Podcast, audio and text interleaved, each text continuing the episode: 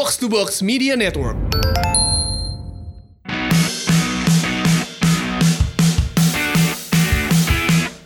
What up, what up?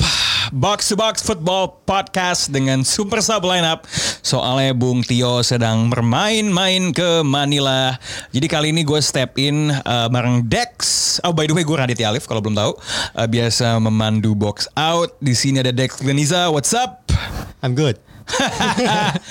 Dan uh, karena kita taping malam, malam adalah waktunya Rossi Finza datang. What's up? represent Kumparan dan ini ini podcast bola.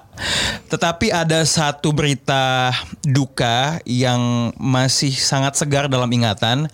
Eh, pada hari Minggu yang lalu Kobe Bryant dan putrinya Gianna Bryant dan tujuh penumpang lainnya eh, termasuk eh, pelatih baseball junior yang terkenal sebenarnya Thomas Altobelli eh, berpulang dalam kecelakaan helikopter di Calabasas, California.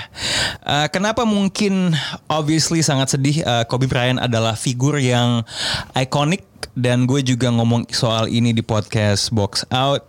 He's a transcendent athlete. Um, ketika uh, berita ini muncul, gue tahu justru dari uh, kerabat dan rekan gue yang nggak ngikutin uh, basket. Uh, signifikansinya apa dibahas di sini karena Kobe Bryant mungkin lo banyak mungkin dari lo ada yang udah tahu juga Kobe itu into bola ya Ros. Betul sekali. Eh, bisa lo ceritain sedikit eh, kayaknya lo udah gali sedikit soal sejarahnya Kobe. Tadi tadi gue cerita dikit ya. Jadi gue Yeah. di luar tadi ngobrol gitu sama Rana. Eh, ini gimana caranya ngobrolin Kobe eh, ke sepak bola gitu. Gue bilang enggak ini kebalik sebetulnya. Sebenarnya eh, ketika lo ngomongin Kobe itu dia transcend ke mana-mana gitu. Eh, entah itu ke ke American football, Yes. entah itu ke WNBA atau kemudian eh, baru kemudian ke sepak bola. Kenapa ke sepak bola? Karena dia dari dia, dia gedenya kan di, di Itali gitu kan. Dia di Itali dan eh, bapaknya dulu main di sana. Terus eh, sempet tinggal di sebuah kota gue lupa namanya apa dan itu sekitar dua jam lah dari dari Milan dan itulah yang kemudian membuat dia jadi ngefans banget sama Milan gitu kan. Milan yang mana nih? AC AC Milan. Nah, terus kemudian dari situ juga dia mulai coba-coba main bola.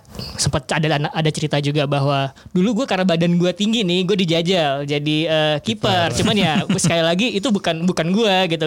Gue emang udah suka basket dari lama. Dia bilang kayak gitu dan akhirnya ya udah dari situlah kemudian dia banyak bergaul dengan pesohor-pesohor di bola, Ronaldinho. Iya iya. Kalau kita tarik ke belakang memang yang menarik soal Kobe Bryant dan almarhum Kobe Bryant dan sepak bola adalah kayaknya gini loh. Kalau kita lihat konstelasi bintang-bintang basket yang paling besar, makin ke sini makin ada interest di bola. Betul. LeBron James adalah salah satu owner Liverpool dan beberapa bintang NBA lainnya kayak James Harden itu punya saham di uh, klub bola di kota yang bersangkutan. Jadi kalau James Harden Houston Rockets dia punya saham Houston Dynamo. Nah, cuman Kobe dari kecil karena yang dibilang sama Rose tadi punya kedekatan yang lebih erat dengan sepak bola. Em, itu cerita yang menarik ya karena lu bayangin deh Kobe Bryant kan essentially mungkin dia satu-satunya black kid Yes. di di sempat lingkungannya kan. sebenarnya ada cerita juga bahwa dia Ya. sempat mengalami eh, diskriminasi rasial juga di sana Itali, kayak gitu. Itali. Iya. Iya iya iya. Itu membuat masa kecilnya dia jadi menarik sebetulnya. Tapi sebenarnya cerita dia tuh gue bisa to a certain extent relate. Kayak bayangin dia masih kecil naik sepeda ke lapangan basket. Terus kok lapangan basket nggak ada yang main basket ya? yang ada dinding dicat jadi gawang. Terus oke nih gue udah kalau dari cerita yang gue denger tuh dia tuh oke gue udah capek-capek naik sepeda ke sini. Masa gue balik sih? Ya udah deh gue coba bermain Yes. olahraga yang gue nggak familiar eh, ini dan seperti yang dibilang sama Rossi tadi karena posturnya dia dijadikan penjaga gawang. Nah lucu juga karena eh, dia dekat sama Milan itu sebenarnya kalau dari ceritanya eh, nggak satu keluarga dia tidak bulat mendukung Milan. Iya. Jadi si Kobe itu Milan, bapaknya fans Inter Milan. Oh. Dan kakaknya fans Juventus. Nah itu kalau kalau teman-teman ada yang mau tahu dari mana, cari aja videonya Thierry Henry eh, interview Kobe Bryant buat NBA. Itu kayaknya waktu di musim terakhirnya Kobe sekalian Yeah. buat pensiun. Em, di mana satu hal yang di note sama Thierry Henry adalah uh, Kobe ketika menyebutkan nama-nama uh, pemain-pemainnya, uh, walaupun uh, pemain AC Milan Belanda kayak Marco van Basten, dia ngomongnya pakai aksen Itali. Jadi Marco van Basten, uh, Ruud Gullit, Frank Rijkaard, Maldini, gitu ngomongnya tuh berasa Itali dan karena kecil di Itali dia juga pick up bahas itu dan sering kali sebenarnya um, lo bisa cari deh um, rekaman-rekaman Kobe Bryant menjawab interview dalam bahasa Itali dan setelahnya dia juga belajar bahasa Spanyol karena istrinya Yes. Latina dan bahasa Itali sama Spanyol kan nggak terlalu beda jauh. Jadi ini orang emang almarhum ini multilingual dan salah satu rekaman yang terkenal dia eh, ngomong dalam bahasa Itali itu ketika dia di interview di Milanello. Jadi itu sekalian dia rehab. Rehab eh, waktu Cedera itu ya? kan dia cedera Achilles tuh di per- musim 2012 ke eh, 13 kemudian dia coba rehab di Milanello di interview panjang lebar dan dia pakai baju AC Milan Em, kayaknya kayaknya dia itu sebagai orang yang selalu menjual Mamba mentality yang selalu tertarik Ah. sama atlet-atlet lainnya em, yang high performing di bidangnya tuh pada akhirnya mengikuti perjalanan mereka kan makanya dia dekat sama uh, Ronaldinho Yes. dan lain sebagainya tapi kayaknya sih kalau di, di ditanya sebenarnya kalau klub yang lo punya bias sih dia akan bilang AC Milan sih ya Betul. Eh, Dex lo ada cerita lain atau apa yang lo tahu soal Kobe atau saya boleh menambahkan Tadi ya gue pikir uh, apa ya pas dia meninggal kan AC Milan juga nge-tweet kan langsung. Kobe adalah fans AC Milan. Iya. Barcelona juga Hmm. ada Kobe pakai baju Betul, Barcelona. Gua kira, betul, betul. Ah ini mah nge- diklaim-diklaim aja. Iya, iya, Cuman pas iya. gue baca ceritanya ternyata- beneran fans Iya. Milan ternyata. kayaknya Karena, ya karena dia dari kecil ya. gue baru tahu dari kecil di Italia pas kemarin dia meninggal itu gue baca-baca Bener. juga. Dan sebenarnya ketika NBA lagi lockout, kayaknya tahun 2011 sempat ada wacana. Dia di off season ah nggak main basket. Main- Dia sempat uh, in touch sama Virtus Bologna klub basket Itali gitu. Um, karena waktu itu NBA lagi lockout, untungnya tidak terlalu lama jadi akhirnya bisa main lagi di uh, apa namanya di NBA. Um, tapi iya, um, selain satu fans Milan, the pursuit of excellence kan dia Kobe Bryant tuh sangat sangat tertarik dengan pemenang-pemenang dalam cabang olahraga lain bahkan dalam aspek-aspek lain dalam kehidupan dan itu yang menurut gua membawa dia dekat dengan Ronaldinho Hmm. Uh, dekat dengan uh, lumayan kenal dengan Messi Uh, dan sebenarnya kayaknya yang dia lumayan uh, dekat tuh Neymar ya Iya Iya betul. Neymar. lo lihat selebrasinya Neymar Ah. gak sih Pas lagi kemarin ya, itu nggak nggak lama setelah kabar itu nggak lama banget. Jadi Yes. kabarnya begitu muncul, terus kemudian Neymar bikin gol dalam PSG dan ya udah itu selebrasinya ditujukan untuk Kobe gitu. dengan menunjukkan jari dua sama empat Empat, iya. eh, nomornya Kobe Bryant. Nah, ketika ngomongin soal soal Neymar nih, gue gue juga ikut ngerasa gini, sosok atlet Amerika eh, yang bukan pemain bola, Hmm. yang tampak jelas di Piala Dunia, itu Kobe Bryant. 2010 sama 2014, eh, dia emang bener-bener ke sana dan nonton beberapa pertandingan dan bukan asal nonton pertandingan kayak kayak duta olahraga. Kayak so asik doang Iya gitu kayak so asik. gitu. Emang dia Enggak. pilih dia, dia nyari pertandingan yang menurut dia punya worth. Iya. Kayak misalnya di 2014 yang dia tonton itu eh, babak grupnya Spanyol lawan Belanda yang Belanda menang 5-1. betul. Di, di wawancara juga ketahuan dia bilang, "Wah, headernya Van Persie gila." Maksudnya kelihatan ini orang Paham banget. paham Iya, iya. gitu. Um, dan kemudian uh, di, di- di- dia juga bilang kayak waktu 2015 gue tuh berharap finalnya bisa Brazil lawan Argentina karena konteks historisnya akan gila Betul, kan kalau seandainya final Piala Dunia itu Brazil lawan Argentina pasti akan crazy lah duel Amerika Latin. Um, dan di situ dia juga bilang menurut gue memang Messi sama Ronaldo nih head to head emang saling bergantian jadi pemain terbaik. Waktu itu dia bilang, tapi yang menurut gue next generationnya adalah Neymar. Dan dia eksplisit bilang gue suka sama Neymar karena Neymar itu agak nasty, agak mean, ada ada mamba mentalitinya Iya, kali iya, ya. betul. Kalau kalau menurut Kobe Bryant, um, dan gue tuh masih ingat banget ya. Sorry kalau gue meracau dikit, tapi um, ketika itu Kobe juga ditanya soal komennya pelatih US, Jurgen Klinsmann Wah, kayak yang sempat berkomentar soal Kobe Bryant karena situasinya gini, Kobe udah past his prime dan eh, apa namanya dia itu tiba-tiba eh, di- dikasih kontrak di extend yang panjang. Dan kan kalau di basket kan ada batasan salary cap. Jadi kalau lo Iya. ngasih lo ngasih gaji kontrak yang panjang ke pemain yang udah nggak perform pasti akan menimbulkan pertanyaan. Karena oke nanti lo ngalokasiin sisa uangnya itu gimana? Nah Klinsmann bilang ini menurut gua agak aneh ya ketika yang kayak gitu dipertahankan. Namun Kobe, nah ini ini menurut gua Kobe ini atlet kalau bagi gua pribadi ya, atlet yang menurut gua jawabannya itu paling pinter. Kalau di interview tuh omongannya tajam, insightful dan kelihatan ini orang pinter. Dia bilang gini, gue bisa ngerti perspektifnya Klinsmann. Dia ngomong dari sudut pandang pelatih. Tapi kalau dilihat dari sudut pandang ownership, make sense ba- untuk memberikan uh, duit yang lebih bagi pemain yang telah memberikan jasa selama ini. Kan kalau di itu ek- equivalennya Yeah. kayak kalau di bola kalau seandainya Totti atau De Rossi udah pas sudah pensiun dikasih gaji yang gede atau apa gitu ya. Em, karena itu buat Kobe dia bilang gini karena di situ ownership mengindikasikan seharusnya ini klub macam apa sih? Klub yang Yeah. menghargai ikonnya atau enggak gitu. Maksudnya dia itu ketika masih masih menjadi pemain pun cara dia berkomentar itu perspektifnya tuh holistik. Ya, broad banget. Iya broad banget, kelihatan banget em, dia mencari-cari eh, melihat sesuatu dari berbagai macam sudut pandang gitu. Dan satu hal lagi yang mau gue tambahin juga em, soal hubungan Kobe sama bola, Em, obviously kayaknya dibandingkan pemain basket pada umumnya nggak sejago Steve Nash. Ya. Iya, sih gue. Masih bisa, eh, tapi kayaknya ngerti bola dikit-dikit. Em, dia juga selalu bilang, eh, buat gue, karena dia, gini, Kobe itu kan basically saking keponya dia, dia selalu berusaha mencari eh, keunggulan kompetitif. Jadi oke apa ya dari cabang lain, dari bidang lain, apa hal yang bisa gue pelajari, bisa gue ATM, amati, tiru, modifikasi, gue aplikasiin ke ke apa yang sedang gue perjuangkan gitu. Dia dia bilang gini, sepak bola adalah olahraga cross training yang sangat bagus buat pemain basket.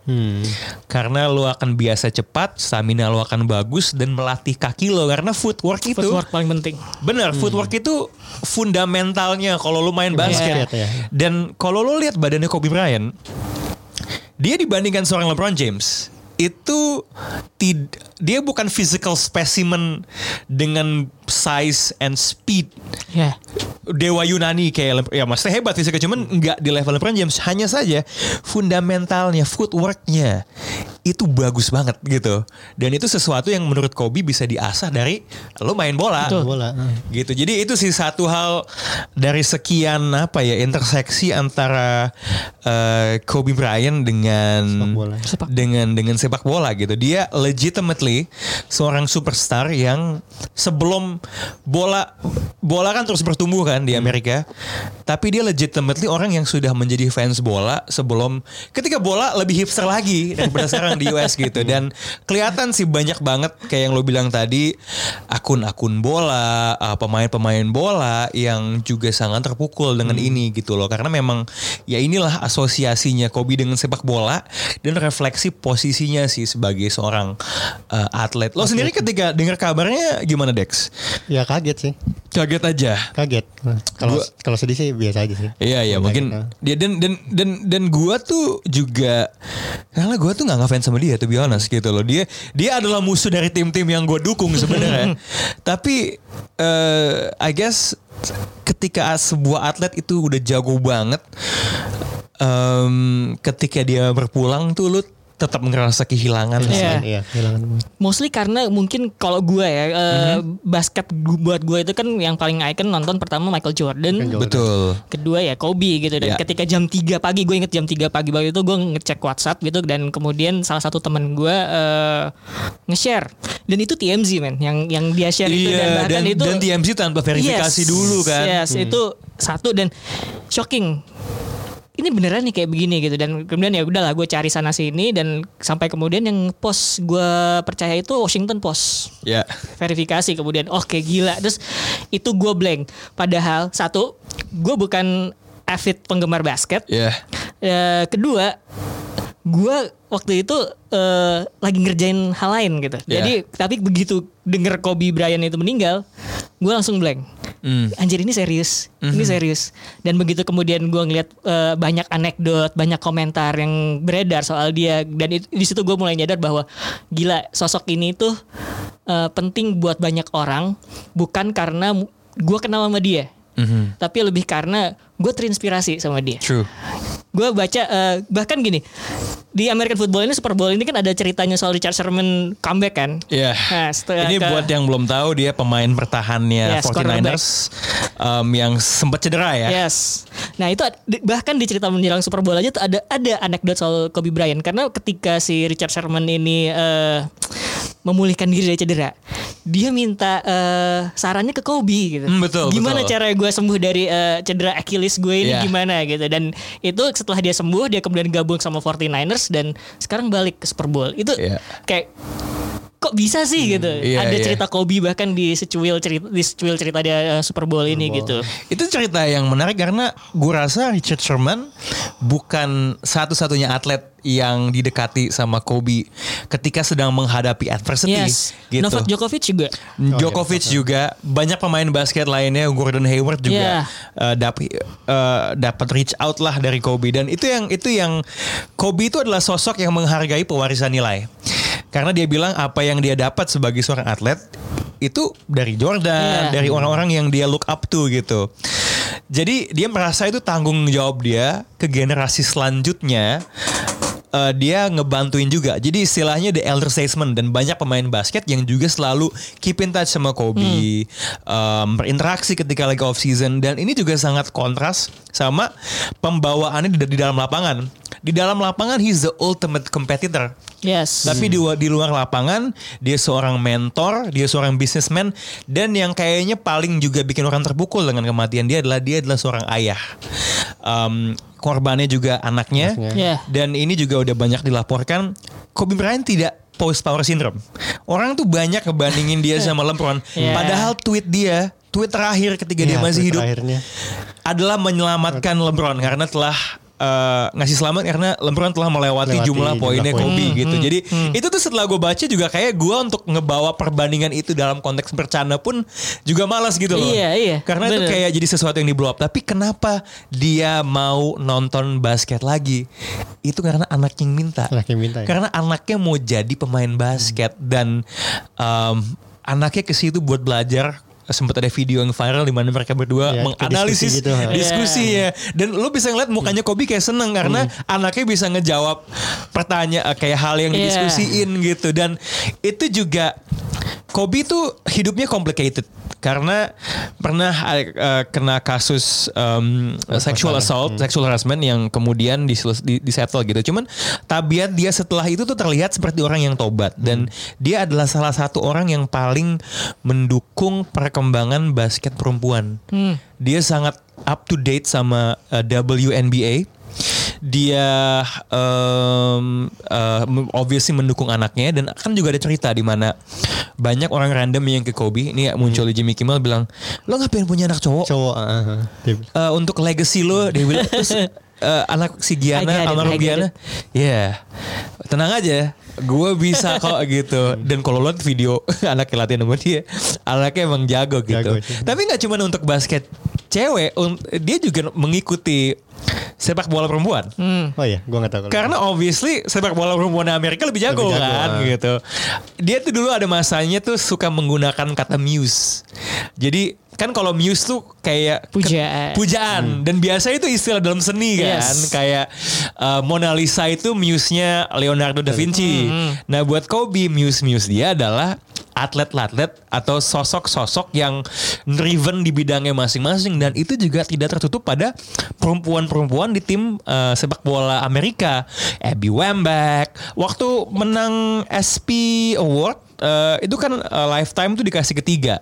Peyton Manning di NFL uh, bekas quarterback yang juga diajak Kobe bikin acara details. Uh, kemudian Kobe Bryant sama uh, Abby Wambach yang waktu itu habis menang Piala Dunia 2015 Iya. ya, yang menang lawan Jepang dan dia menghargai orang-orang yang dia anggap ya ini kom- uh, paralel gua gitu loh. Dan sangat disayangkan ketika kita ngomong soal legacy dan sejarah, NBA itu ada istilahnya Hall of Fame kan, dan seharusnya off season ini Hall of Fame 2020 Kobe, Tim Duncan sama uh, Kevin Garnett. Dan orang udah menantikan nih Kobe akan pidatonya kayak Hmm. apa. Yeah. Cuman sayangnya ini menjadi sesuatu yang yang posthumous sih. Gitu sih. Jadi kalau ngomongin soal uh, Kobe Bryant sih kebesarannya tuh memang benar-benar melampaui um, olahraganya gitu. Ba- nggak nggak cuma dari basket ke bola tapi ke Yang ke lain. ke yang lain Jadi gitu. atlet berarti, bukan Iya atlet.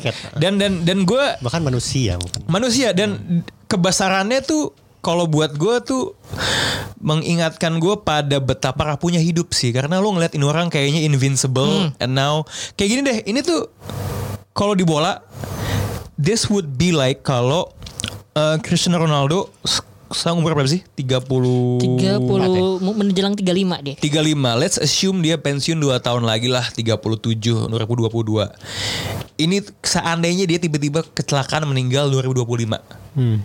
It's the same level. Yeah, kayak yeah. gitu. Lo bisa bayangin nggak? Nantinya tuh reaksi dunia tuh kayak apa? Karena gue I'm, I'm struggling to find a reference ya Rosdex. Atlet di level itu yang pass away cuman berapa tahun abis dia abis dia pensiun. Pensiun. Iya. Tapi mungkin kalau gue ngelihatnya kalau misalnya itu kejadian misalnya kayak ke Ronaldo atau Messi gitu, Mhm. mungkin impactnya secara manusia itu sendiri yang nggak sebesar Kobe karena gue Oh, gitu? ngelihatnya Ronaldo sama Messi ini mereka superstar. Mereka yang mereka bicarakan adalah sepak bola, sepak bola, sepak bola. Oh, I see, I see, yeah. Lo nggak pernah ngelihat Ronaldo atau Messi berbicara di luar hal sepak bola, apalagi Ronaldo gitu. Gue selalu Yeah, yeah, dia, dia- yeah. dia selalu bicara soal gua, gua, gua dan gue yang terbaik gitu. Sementara kalau lo bicara seperti Kobe kayak yang udah lo paparin panjang Hmm. lebar dari tadi gitu, eh, dia bicara macam-macam. Dia ngasih banyak perspektif. Dia Yeah. ngasih banyak orang inspirasi. Ini kalau lo cedera lo ngadepinnya begini. Ketika lo ngadepin pressure lo begini gitu. Dan gue pikir eh Kobe itu kan sepanjang karirnya ada berbabak-babak gitu. Ya. Dari se- seorang rookie yang menjanjikan, Ya, yang seorang tengil. superstar, terus kemudian jadi eranya Ronaldo dibilang nggak pernah ngoper lah segala macam sampai Ya. kemudian jadi sage kalau menurut gue gitu. eh dari situ gue melihat sosok Kobe itu justru di atas pemain bola eh, Interesting, superstar interesting. seperti Ronaldo dan Messi gitu. Jadi ya itu yang membuat orang kehilangan. Ini sama kayak misalnya gini loh. Eh, lo punya kerabat, teman dekat lo dia meninggal. Terus ketika dia meninggal semua orang merasa kehilangan dan kemudian orang-orang berbicara, eh dia tuh dulu pernah bantuin gue lo begini, orangnya begini, bla bla bla. Ketika kabar soal si kabar si kerabat lo ini beredar ke mana-mana, terus orang-orang kemudian, eh gue pengen kayak dia. Itu yang kemudian disebut jadi legacy gitu. Gue pikir itu yang kemudian di eh, menjadi legasinya Kobe. Banyak mungkin atlet yang nggak kenal dekat sama dia, tapi dia tak mereka tahu gimana Kobe karirnya seperti apa, apa yang dia perbuat dan ketika orang mening dia meninggal dan orang-orang berbicara baik soal dia, orang-orang itu terinspirasi gara-gara dia. Itu sih kalau menurut gue yang berbeda kayak kalau misalnya lu gini deh lu denger cerita-cerita anekdotnya soal Ronaldo itu selalu soal latihan ke gym jam 3 jam 3 pagi lari keliling rumah gitu. Makan sayur. makan sayur makan Makan sehat gitu. Dan gue pikir eh ya itu bagus. Menurut gue bagus. Eh, nggak atlet itu kan ya lo harus dedikasi harus sac- sacrifice dan segala macam itu bagus. Cuman buat gue ya namanya atlet emang begitu. Nggak ada nggak ada sesuatu yang berbeda lah. Berbeda- kecuali kalau misalnya lo atlet terus ngomongin soal politik dan bla bla bla gitu ya lo menurut gue baru interesting Iya iya dan ya itu sih kalau Kobe at- ya, gini sih gue tadi tuh ngebandinginnya dari perspektif oke mungkin kalau level level popularitas ya. Ya, ya. Cuman menarik sih karena gue gua gua ada kayaknya ada sisi gue yang mengharapkan ada atlet bola nantinya siapa pun itu yang apa ya istilahnya filosofi dia interest dia tuh melebihi bola sih nggak selaser fokus itu ya cuman Ah. we'll see lah apakah itu Ko- Kobe itu kayak kalau kalau kalau misalnya ya ada bola siapa? kayak gitu Socrates Gue baru mau ngomong gitu.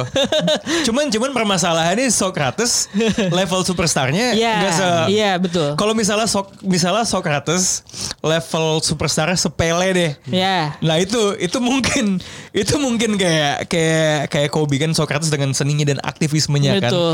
Um, dan ini mumpung lu bawa Socrates ya, Socrates kan kayaknya seniman banget gitu ya.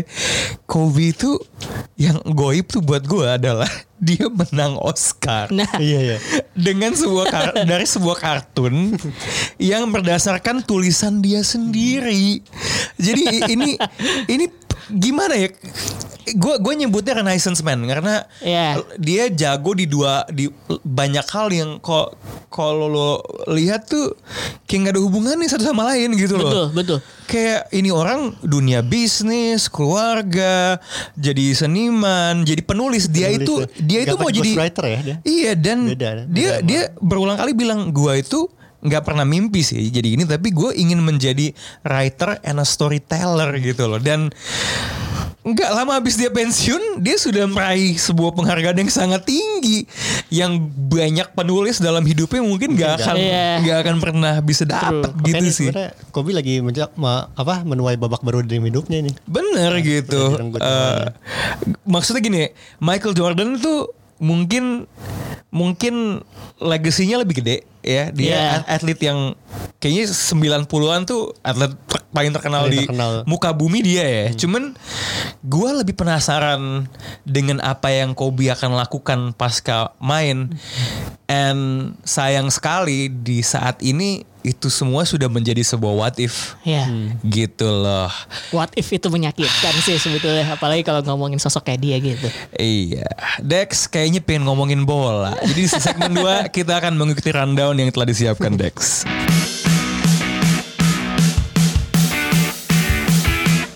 Selamat datang kembali ke podcast Box to Box. Ini podcast sepak bola. Jadi kita akan sedikit lagi berusaha ngomongin yang update soal bola sesuai dengan guideline yang telah disiapkan oleh Pak Daftar Dex. belanja Dex. Ya, yang update ya berarti ya. Update dong. Yang update-nya dari tadi Kobe sempat kecil di Milan juga Milan tapi Inter ya baru mendatangkan Christian Eriksen. ya oke. Ya ya ya banyak ya aktivitas em, Inter Milan eh, mencabut-cabut pemain-pemain ex. Britania Raya. In- memang benar sesuai namanya kan internasional ya. Internasional ya. Tapi gimana lo sempat lihat eh, Erikson eh, debutnya sedikit lebih cepat dari dugaan ya. Conte bilang kalau sebenarnya ini kecepatannya gue belum mau mainin dia tapi Belum dia, dia dia turun kemarin ya di di Copa. Lo gimana lo menilai penampilan cameo-nya dia yang masuk menggantikan Sanchez? belum terlalu kelihatan cuman gua rasa di di kontes sih bakal cocok banget sih. Kenapa tuh? Hmm, Soalnya kan bu- butuh distributor bola kan. Nah, di- Oh. Di situ nggak tahu sih sebelumnya Inter punya siapa ya? Gua nggak nggak kepikiran sih. Eh, dia memang nggak punya Nggak punya kan? nggak ya? punya distributor bola yang seperti Erikson itu Eriksen, memang tidak ada karena kok gua, gua kalau ngik- ngikutin Erikson dari zaman dia di Ajax nih ya lo nggak perlu ngasih dia ruang dia bakal mengkreasikan ruang Iya. Hmm, Intinya itu. ruang. Nah, jadi eh, ketika sebuah ruang tidak tercipta, yang dilakukan ya gampang aja nendang dari luar, udah gitu. Nge-shoot dan Terus nge-shoot ya dari luar lumayan jago ya. Iya, itu dia. Jadi menurut gua untuk sebuah eh, seorang nomor 10 dan kreator serangan dia itu bukan tipe yang bertele-tele walaupun lo ngeliatnya kadang-kadang dia males-malesan gitu ya segala Iya, iya. macam dan Eh, tapi pikir- malas-malasan terakhir-terakhir aja nih. Iya iya Banyak masalah iya. di Spurs kan. Nah tapi kalau lo ngeliat atribut aslinya dia ya seperti itu menurut gue. Ketika di Italia bertanding yang lebih taktikal dan mungkin lo nggak harus berpikir secepat di Premier League gitu. Ketika lo lo kelamaan di Premier League lo dihan, dihantam back Hmm. gitu istilahnya gitu.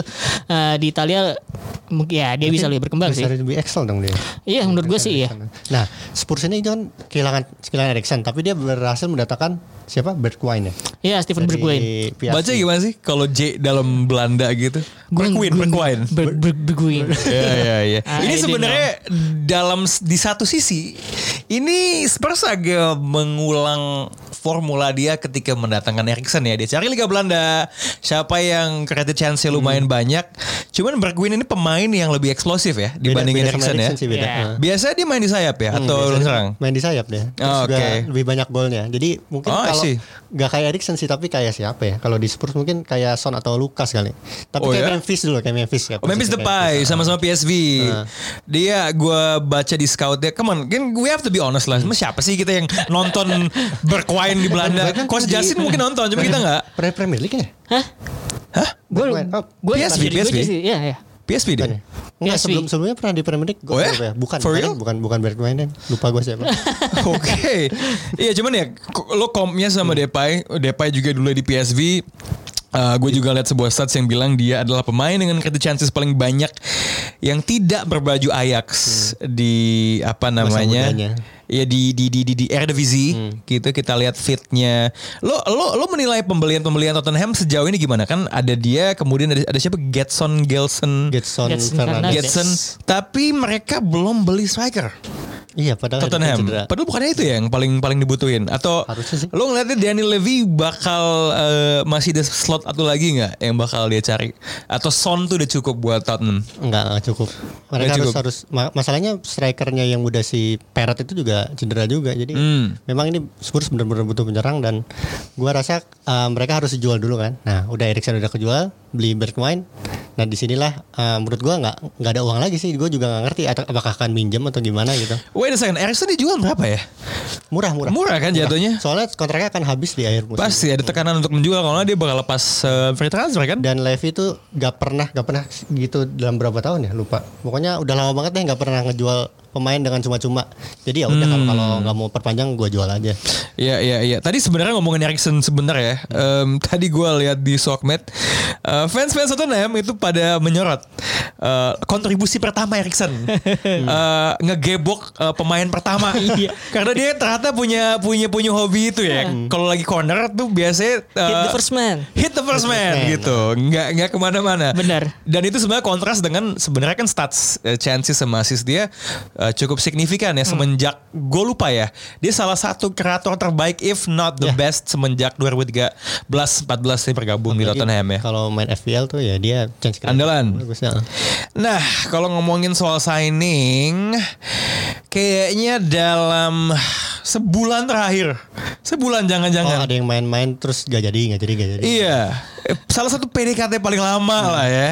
Tapi akhirnya gue lihat sudah ada tipografi, ada tipografi, ada logo Bruno Fernandes. Akhirnya ke Manchester United. Oh, Dex lega. Atau Oh, Rossi, Rossi dong. Oh iya, Rossi, Rossi. Belum kan di PSMU juga? Hah? biasa aja gue. Jangan bohong lo. Enggak, enggak, enggak. Oke, mungkin bukan gue gak mau nanya lu lega atau enggak ya.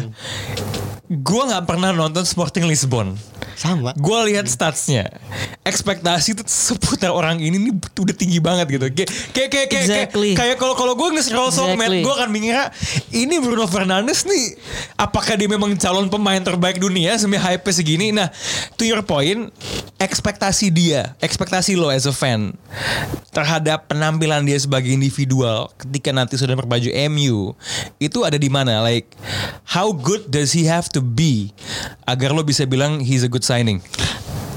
Ini ya, gue kasih tahu. Kalau misalnya ini terjadi pada signing ini terjadi ketika sebelum era medsos gitu, Aha. gue nggak, gue anjir, ini siapa sih? Iya, lo, lo iya. ngapain sih datangin pemain-pemain gak jelas gini? Gue pasti bakal bilang kayak gitu. Tapi karena lo sekarang ada di medsos dan medsos adalah football medsos kan kebanyakan stats, stats, stats dan Right. kemudian ngomongin kemudian gaya mainnya dia seperti apa Ada dan video juga. ya udahlah gitu. Kita ngelihat bahwa oh insightnya seperti ini gaya mainnya Bruno Fernandes, dia bisa main di nomor 10, bisa main di nomor 8, oke fine gitu emang itu dibutuhkan oleh Man United.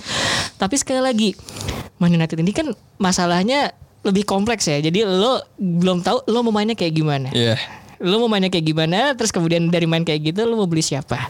Eh, Oke, ini awalnya udah ketahuan nih lo beli mau beli Bruno Fernandes biar biar orang bis, biar ada yang bisa main di nomor 10 atau main di nomor 8 sementara Pogba mungkin kalau bertahan gitu eh, lo bisa dapat role yang lebih dalam lah segala macam kontrol dari belakang jadi quarterback istilahnya. Eh, cuman kan butuh pemain yang lebih dari lebih dari yang ada sekarang gitu menurut gua gitu. Lu belum jelas lu mau main lu bahkan kadang-kadang mainnya counter, kadang-kadang kemarin eh, bisa main pressing kayak Liverpool gitu. Direct banget. Ya itu dia nggak nggak jelas jadi gue juga, juga, juga belum belum Kalau- bisa tapi- berekspektasi gitu. Sorry ya, tapi kalau buat gua ekspektasinya gampang kok. Lo cukup bermain lebih baik dari Lingard dan Pereira kan? Berarti mudah Kan ya. mudah anjing. tapi tapi menurut gue itu otomatis gitu. Oh pasti, Oh, it's a given. otomatis gitu. It goes without Eh, saying eh. gitu ya. Karena Lo- lo- sekali gini, eh, kalau misalnya sekarang siapa, siapa sih yang bisa main di nomor 8 sama nomor 10 di Man United? Ya, Lingard, Pereira gak ada yang bener gitu. Lingard kemarin disuruh main nomor 10 di Manchester City dimarahin sama Solskjaer. Juan Mata ya otomatis gitu ya atau ya Juan Mata. Tapi ketua. gue selalu punya pendapat begini soal Juan Mata. Kenapa dia kalah sama David Silva? Timing. Hmm. David Silva itu tahu kapan harus melepas operan yang di saat yang tepat sementara Juan Mata kadang-kadang terlalu banyak satu dua sentuhan. Nah, Iya iya kesabaran ya tahu kapan eh ejakulasi nggak nggak nggak nggak apalagi sih apa, ah, di di rundown lo ada apa lagi sih Dex abis abis Ya, eh, tentang Man United juga. Ka- Oh, siapa, siapa, siapa, siapa? Mereka menang 1-0 lawan oh Man iya City tapi tersingkir. Carabao ya Carabao ya. Carabao Karena Carabao ini akan mempertemukan Aston Villa dan Manchester City di finalnya. Oh oke, I see. Terus ap- ada kayak apa temuan menarik soal hasil pertandingan tadi pagi? Gue cuma sekilas lihat di Guardian katanya, "Hmm, oleh taktiknya not bad katanya. Ya, terus juga uh, menang dua kali di di Etihad. Etihad berarti ini. Oh Dan itu- dengan yang uh, di Liga ya, Hmm, dengan yang di liga. yang si Martial ya sama Yes. Rashford, no? Ya. ya penalti Rashford betul. Ah, I see, I see, I see, I see. Gue gue Karabau tuh kayak gini loh. ge- eh, Karab Karabau kan kompetisi ketiga, Ketiga. kan. Ya. Gue tuh menyikapi itu seperti halnya Jurgen Klopp menyikapi replay FA Cup. tuh gue kasih Iya tuh aja, bridging Bu. tuh. Ah, Nah, Jadi untuk pertama kalinya kan Premier League ak- akan ada winter break ya. Cuma Eh. ternyata si Klopp ini lagi nggak oke aja gara-gara imbang lawan Shrewsbury. Mereka jadi harus main di winter break itu. Winter break di Premier League tuh 13 hari. Hmm. Nah ini bersama dengan siapa ya Eh, Liverpool eh Liverpool Newcastle Southampton dan Spurs juga yang yang imbang di FA Cup jadi harus, Right. harus main di replay Ya itu itu banyak banget dibahas dari uh, beberapa sisi ya. Gue lihat Yes. ada oke kalau kalau- kalau contoh Liverpool sama Shrewsbury Klopp punya perspektif dia. Uh, Shrewsbury sebagai tim yang kecil kayaknya agak sedih, nggak seneng gitu. Kloppnya nggak ada. What's your take on it, Ross? Ini ini jadi gimana sih kok bisa di situasi di mana ada winter break tapi bohong gitu? Kalau gue sih ngeliatnya Premier League masih gagap sih sebetulnya eh, bagaimana mengubah kult kan sebenarnya winter break itu nggak eh, gini di Inggris itu kan ada kultur lo tiap lagi ada Natal musim dingin eh, lo pestanya adalah eh, makan-makan di rumah terus habis itu kemudian eh, nonton bola. Iya. dan itu sudah itu Boxing Day gitu dan itu udah ber- berlangsung ya udah lama banget gitu. Dan ketika kemudian orang dari luar seperti klub seperti Guardiola datang masuk ke dalam eh, Britania Raya terus mereka bilang bahwa di negara gua nggak ada nih kayak gini-gini. Dan ketika kayak gini ya harusnya orang liburan terus kemudian pemain-pemain gue istirahat dan segala macam gitu. Dan makanya kemudian di act of divine itu ketika kemudian mungkin dia udah sesek juga. Karena klub tuh udah, udah sering banget eh, ngebahas bahwa winter break itu harus ada. Pemain gue harus istirahat dan segala macam ketika kemudian dia mulai jengah ya udahlah nih gue tinggalin aja sekalian gitu. Iya. karena yang yang yang harus dikritisi di sini adalah gimana Premier League ini ngatur jadwal gitu. Benar benar. lu ketika eh, jadwal liga lo padat ada kompetisi sampai tiga gimana caranya dikurangin lah? Ya udah nggak usah ada replay sekalian gitu. Iya, L- dan sekarang gini kalau misalnya kemarin itu nggak ada replay dan kemudian eh, katakanlah langsung adu penalti nggak usah nggak usah ada eh, extra time segala macam bisa aja Shrewsbury yang merang. Nah, dan di situ kemudian klub ya gue lebih legowo lah. Ada klub kecil yang mengalahkan gue dengan cara yang layak dan segala macam dan nggak perlu ada hal-hal bertele-tele kayak replay dan ya itu di lapangan yang jelek Selain pula. kebiasaan soal sejarah ini ya, kelihatan kayak nggak ada sinkronisasinya ya antara Premier League sama pihak yang bikin FA Cup gitu loh. Karena kan sebenarnya to make something like that work ya lo, kalau memang masih ada namanya replay, lo harus cari gimana caranya schedulingnya tidak mengganggu uh, Liburan. liburan liburan yang sebenarnya kan ini juga agak beda ya sama bu- bukan cuma durasi winter breaknya. Jerman sebulan ya 13 hari Sebulan, doang. 13 hari dan enggak enggak bersamaan kan kalau nggak Iya. salah. Enggak bersamaan, Beberapa tim ada yang lebih dulu, ada yang setelahnya gitu loh. Kayak they have to find a way kalau memang istirahat itu penting, mencari cara yang lebih sinkron yang melibatkan kepentingan terbaik dari semua yang punya kepentingan di Yes. situ. Tapi tadi gue pikir uh, Klopp tuh sengaja kan waktu lawan Shrewsbury di kandang Shrewsbury yang lapangannya jelek maininnya pemain-pemain cadangan kan. Hmm. Selain selain kompetisi yang gak penting juga dia mungkin mikir kalau lapangannya jelek cedera gitu. Ya. Jadi daripada dia memaksakan main serius di situ jadi ya udah imbang nggak apa-apa nanti kita replay di Anfield yang lapangan lebih bagus kita main serius di situ. Tapi ternyata habis itu dia ya ngamuk gitu. Iya. prioritizing sih sebenarnya Iya, dia, itu- dia ngeliat sebagai prioritas saja Ini ini lu ini gua gua ngelihatnya ini sebenarnya mohon maaf nih tapi paralelnya bisa gue tarik ke basket lagi nih. Oke. Karena kan apa yang Klopp lakukan di situ adalah dia sedang melakukan load management. ya Kayak ini pertandingan banyak banget apalagi Liverpool Club World Cup pasti ada yang menjadi prioritas dan untuk meraih objektif-objektif yang paling penting tadi, Iya. menang liga, menang Champions League. Kalau lo kerja lembur bagai kuda, ya itu akan bisa dicapai. Sama halnya kayak apa yang dilakukan Kawhi Leonard di LA Clippers gitu. Banyak yang protes yang kenapa sih dia nggak dimainin back to back untuk dijaga biar ketika pertandingan besar, pertandingan penting datang, dia segar, dia bugar gitu, dia prima gitu Yes. loh.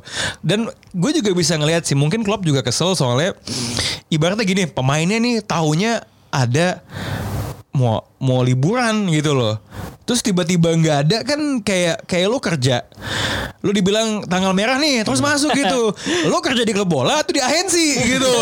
itu itu yang kayaknya dijaga sama klub gitu. Dia menjaga work life balance di Merseyside gitu. Memang Ini efek sering mengganggunya itu memang, memang FA Cup sih. Soalnya eh, FA Cup ini mulai musim ini itu nggak ada replay sejak eh, babak berapa? Iya, babak lima. babak Lima. babak Di sini. Babak keempat masih Iya. Ya udahlah dari sekarang aja harus ada. Nggak ada- Iya. Nggak ada apa nggak ada replay gitu. Cuman kan gini loh, lo kan tim prim, lo lihat jadwal Piala FA tiap tahun itu, lo ngeliat tim-tim Premier League terutama yang gede-gede itu pasti main udah mulai dari Oh, ketiga babak ketiga doang Yes. itu Januari gitu dan ketika lo bikin eh, kebijakan bahwa tahun ini kita ada winter break ya gitu kan, ya masa lo kasih jadwal di Januari Iya. gitu kan itu kan ya logika aja gitu menurut gue. Atau ya ini gue berusaha main devil's advocate nih ya.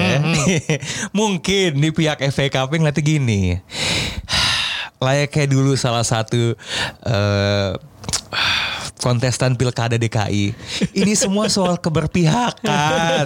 Mungkin peraturan-peraturan itu dibuat untuk menguntungkan Berapa- klub-klub Iya, kecil betul, biar dapat betul. cuan lebih banyak dengan mendatang. Kalau siapa tahu ada replay melawan tim-tim Yeah. gede mungkin, mungkin not likely tapi ya biar nggak suzon why not gitu. Dulu Gus Poyet tuh pernah ngasih solusi sih, bukan hanya protes dia. Dia, Oh, dia apa, bilang apa? kan kalau main di musim dingin itu kan lapangannya jelek, Hmm. terus juga kondisinya dingin, nggak nggak nggak inilah kondisinya nggak memungkinkan lah. Nah dia bilang gua nggak nggak nggak keberatan dengan jadwal yang padat, cuman tolonglah jadwal padat itu ditaruh di awal-awal musim. Gua nggak keberatan main di Agustus September 13 pertandingan gitu misalnya. Ya, Asal di bulan alokasi.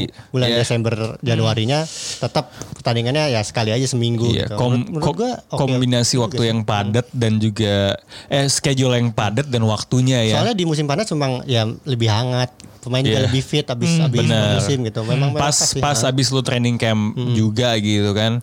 Em, tapi ini ya ketika winter break eh, ini masih beberapa tim ada yang suka ke Timur Tengah ya. Iya. Ke kondisi yang lebih hangat. Ya, Hangat kan kayak- lagi dingin ya. Di, Ke mana Doha? Ya ke Qatar. Oh, biasanya, emang nih Timur soft Tengah. soft politicsnya. Kalau yang dekat-dekat soft tuh- power Qatar mah bangsat nih. Kalau yang dekat-dekat tuh ke Spanyol Selatan, ke Italia Selatan. Iya. Yang, yang dekat-dekat Laut Tengah situlah, Ya. Mediterania. Nah, winter break kan tadi kata Rossi ada ada pelatih yang sudah biasa dengan budaya kontinental memi- meminta itu.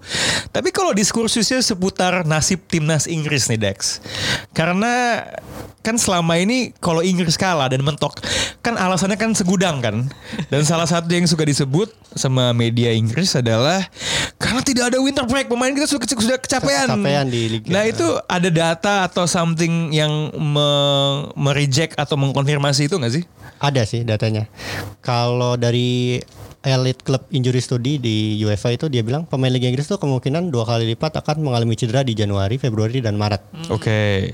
Dibanding liga-liga Eropa lain yang menerapkan winter break.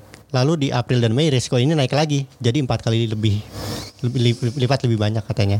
Itu contohnya itu misalkan cedera metatarsal sama Beckham itu kan April 2002, terus Sama juga, Rooney ya dulu. Ya Rooney juga April 2006, bulan April dulunya kan. Nah itu terjadi karena tulangnya mengalami kelelahan bukan karena benturan. Jadi efek-efek kelelahan itu. Nah, Oh itu jadi ketika kejadian memang tulangnya sudah dalam kondisi yang lebih weak gitu ya? kalau studinya sendiri itu bilang memang uh, liburan uh, justru bisa menurunkan match fitness kan kalau pemain kan makanya mesti main terus kan supaya match fitnessnya Yes. Bagus kan kalau di FM kan ada match fitness ada fitness biasa gitu. Cuman dia bilang liburan itu dibutuhkan untuk meningkatkan mentalitas katanya. Makanya di sini uh, harus harus apa ya harus seimbang lah gitu. Terus juga dari profesor di Liverpool John Moores University dia bilang semakin sering latihan dan bertanding akan semakin tinggi tubuh mengalami stres dan semakin tinggi juga kemungkinan cederanya. wajar kan. Nah, cuman kalau semakin jarang latihan dan bertanding, tubuh akan semakin nggak siap dengan tuntutan permainan dan justru kemungkinan cedera akan semakin tinggi lagi. Jadi sebenarnya kebugaran di off season uh, atau musim panas ketika turnamen besar terjadi memang ada korelasinya dengan uh, ada tidaknya winter break ya. Nah, Inggris sendiri kan pernah punya pelatih asing Sven Goran Eriksson dan Fabio Capello kan. Dua-duanya protes sih soal kenapa nggak ada winter break ini. Dan I kita see. memang kalau lihat Jerman terus juga Spanyol kayak apa musim ini aja tadi kan Jerman sebulan kan. Terus juga uh, Spanyol itu 18 hari, Italia 16 hari, Prancis 24 hari. Memang jeda-jeda seperti itulah yang katanya dibutuhkan oleh Inggris. Jangan kelamaan. Kalau Jerman kelamaan sih sebulan. Iya sebulan banget. Idealnya itu berapa sih kalau menurut lo winter break? da- dari studi UEFA itu bilang kalau bukan menurut gue ya, katanya pemain tuh lebih suka dapat libur ekstra di akhir musim justru daripada di winter break. Di winter break biasa aja udah seminggu, seminggu, seminggu, seminggu. Kalaupun ada jeda ya jadi dua minggu gitu. Cuma nanti di akhir musim tolong tambahin seminggu ekstra liburnya gitu. Jadi cuma kayak cuti aja gitu ya buat refreshing. Soalnya ya tadi pemain sebenarnya butuh latihan dengan intens dan butuh bertanding dengan intens juga supaya match fitnessnya tetap terjaga. I see, I see. Ada lagi gak sih hal-hal di uh, uh, uh, rundown lo gue lupa deh. Nah cuman Gareth Southgate sendiri bilang Oh masih ada. Ini jadi daftar belanjanya masih banyak oh sih iya ini. lupa saya. Gareth Southgate yang sekarang pelatih Inggris bilang ya ini cuma perdebatan ta- tahunan katanya. Dulu seingat gue di 1996 dan 1998 nggak pernah tuh dibahas kayak gini katanya. Baru baru bahas karena sekarang aja dia bilang. Jadi jadi Gareth Southgate sebenarnya nggak keberatan dengan winter break atau ada apa enggaknya gitu. Oh jadi Gareth Southgate Ini dalam dia orang Inggris soalnya. Ah. Beda dengan terbiasa dengan kayak Eriksson gitu tadi. gitu. Atau mungkin ini perpaduan kan dia orang Inggris yang terbuka terhadap cara-cara baru, tapi tetap ada keinggrisannya. Atau dia cuma ingin ya masa gue gue bukan tipikal orang yang nyari alasan lah.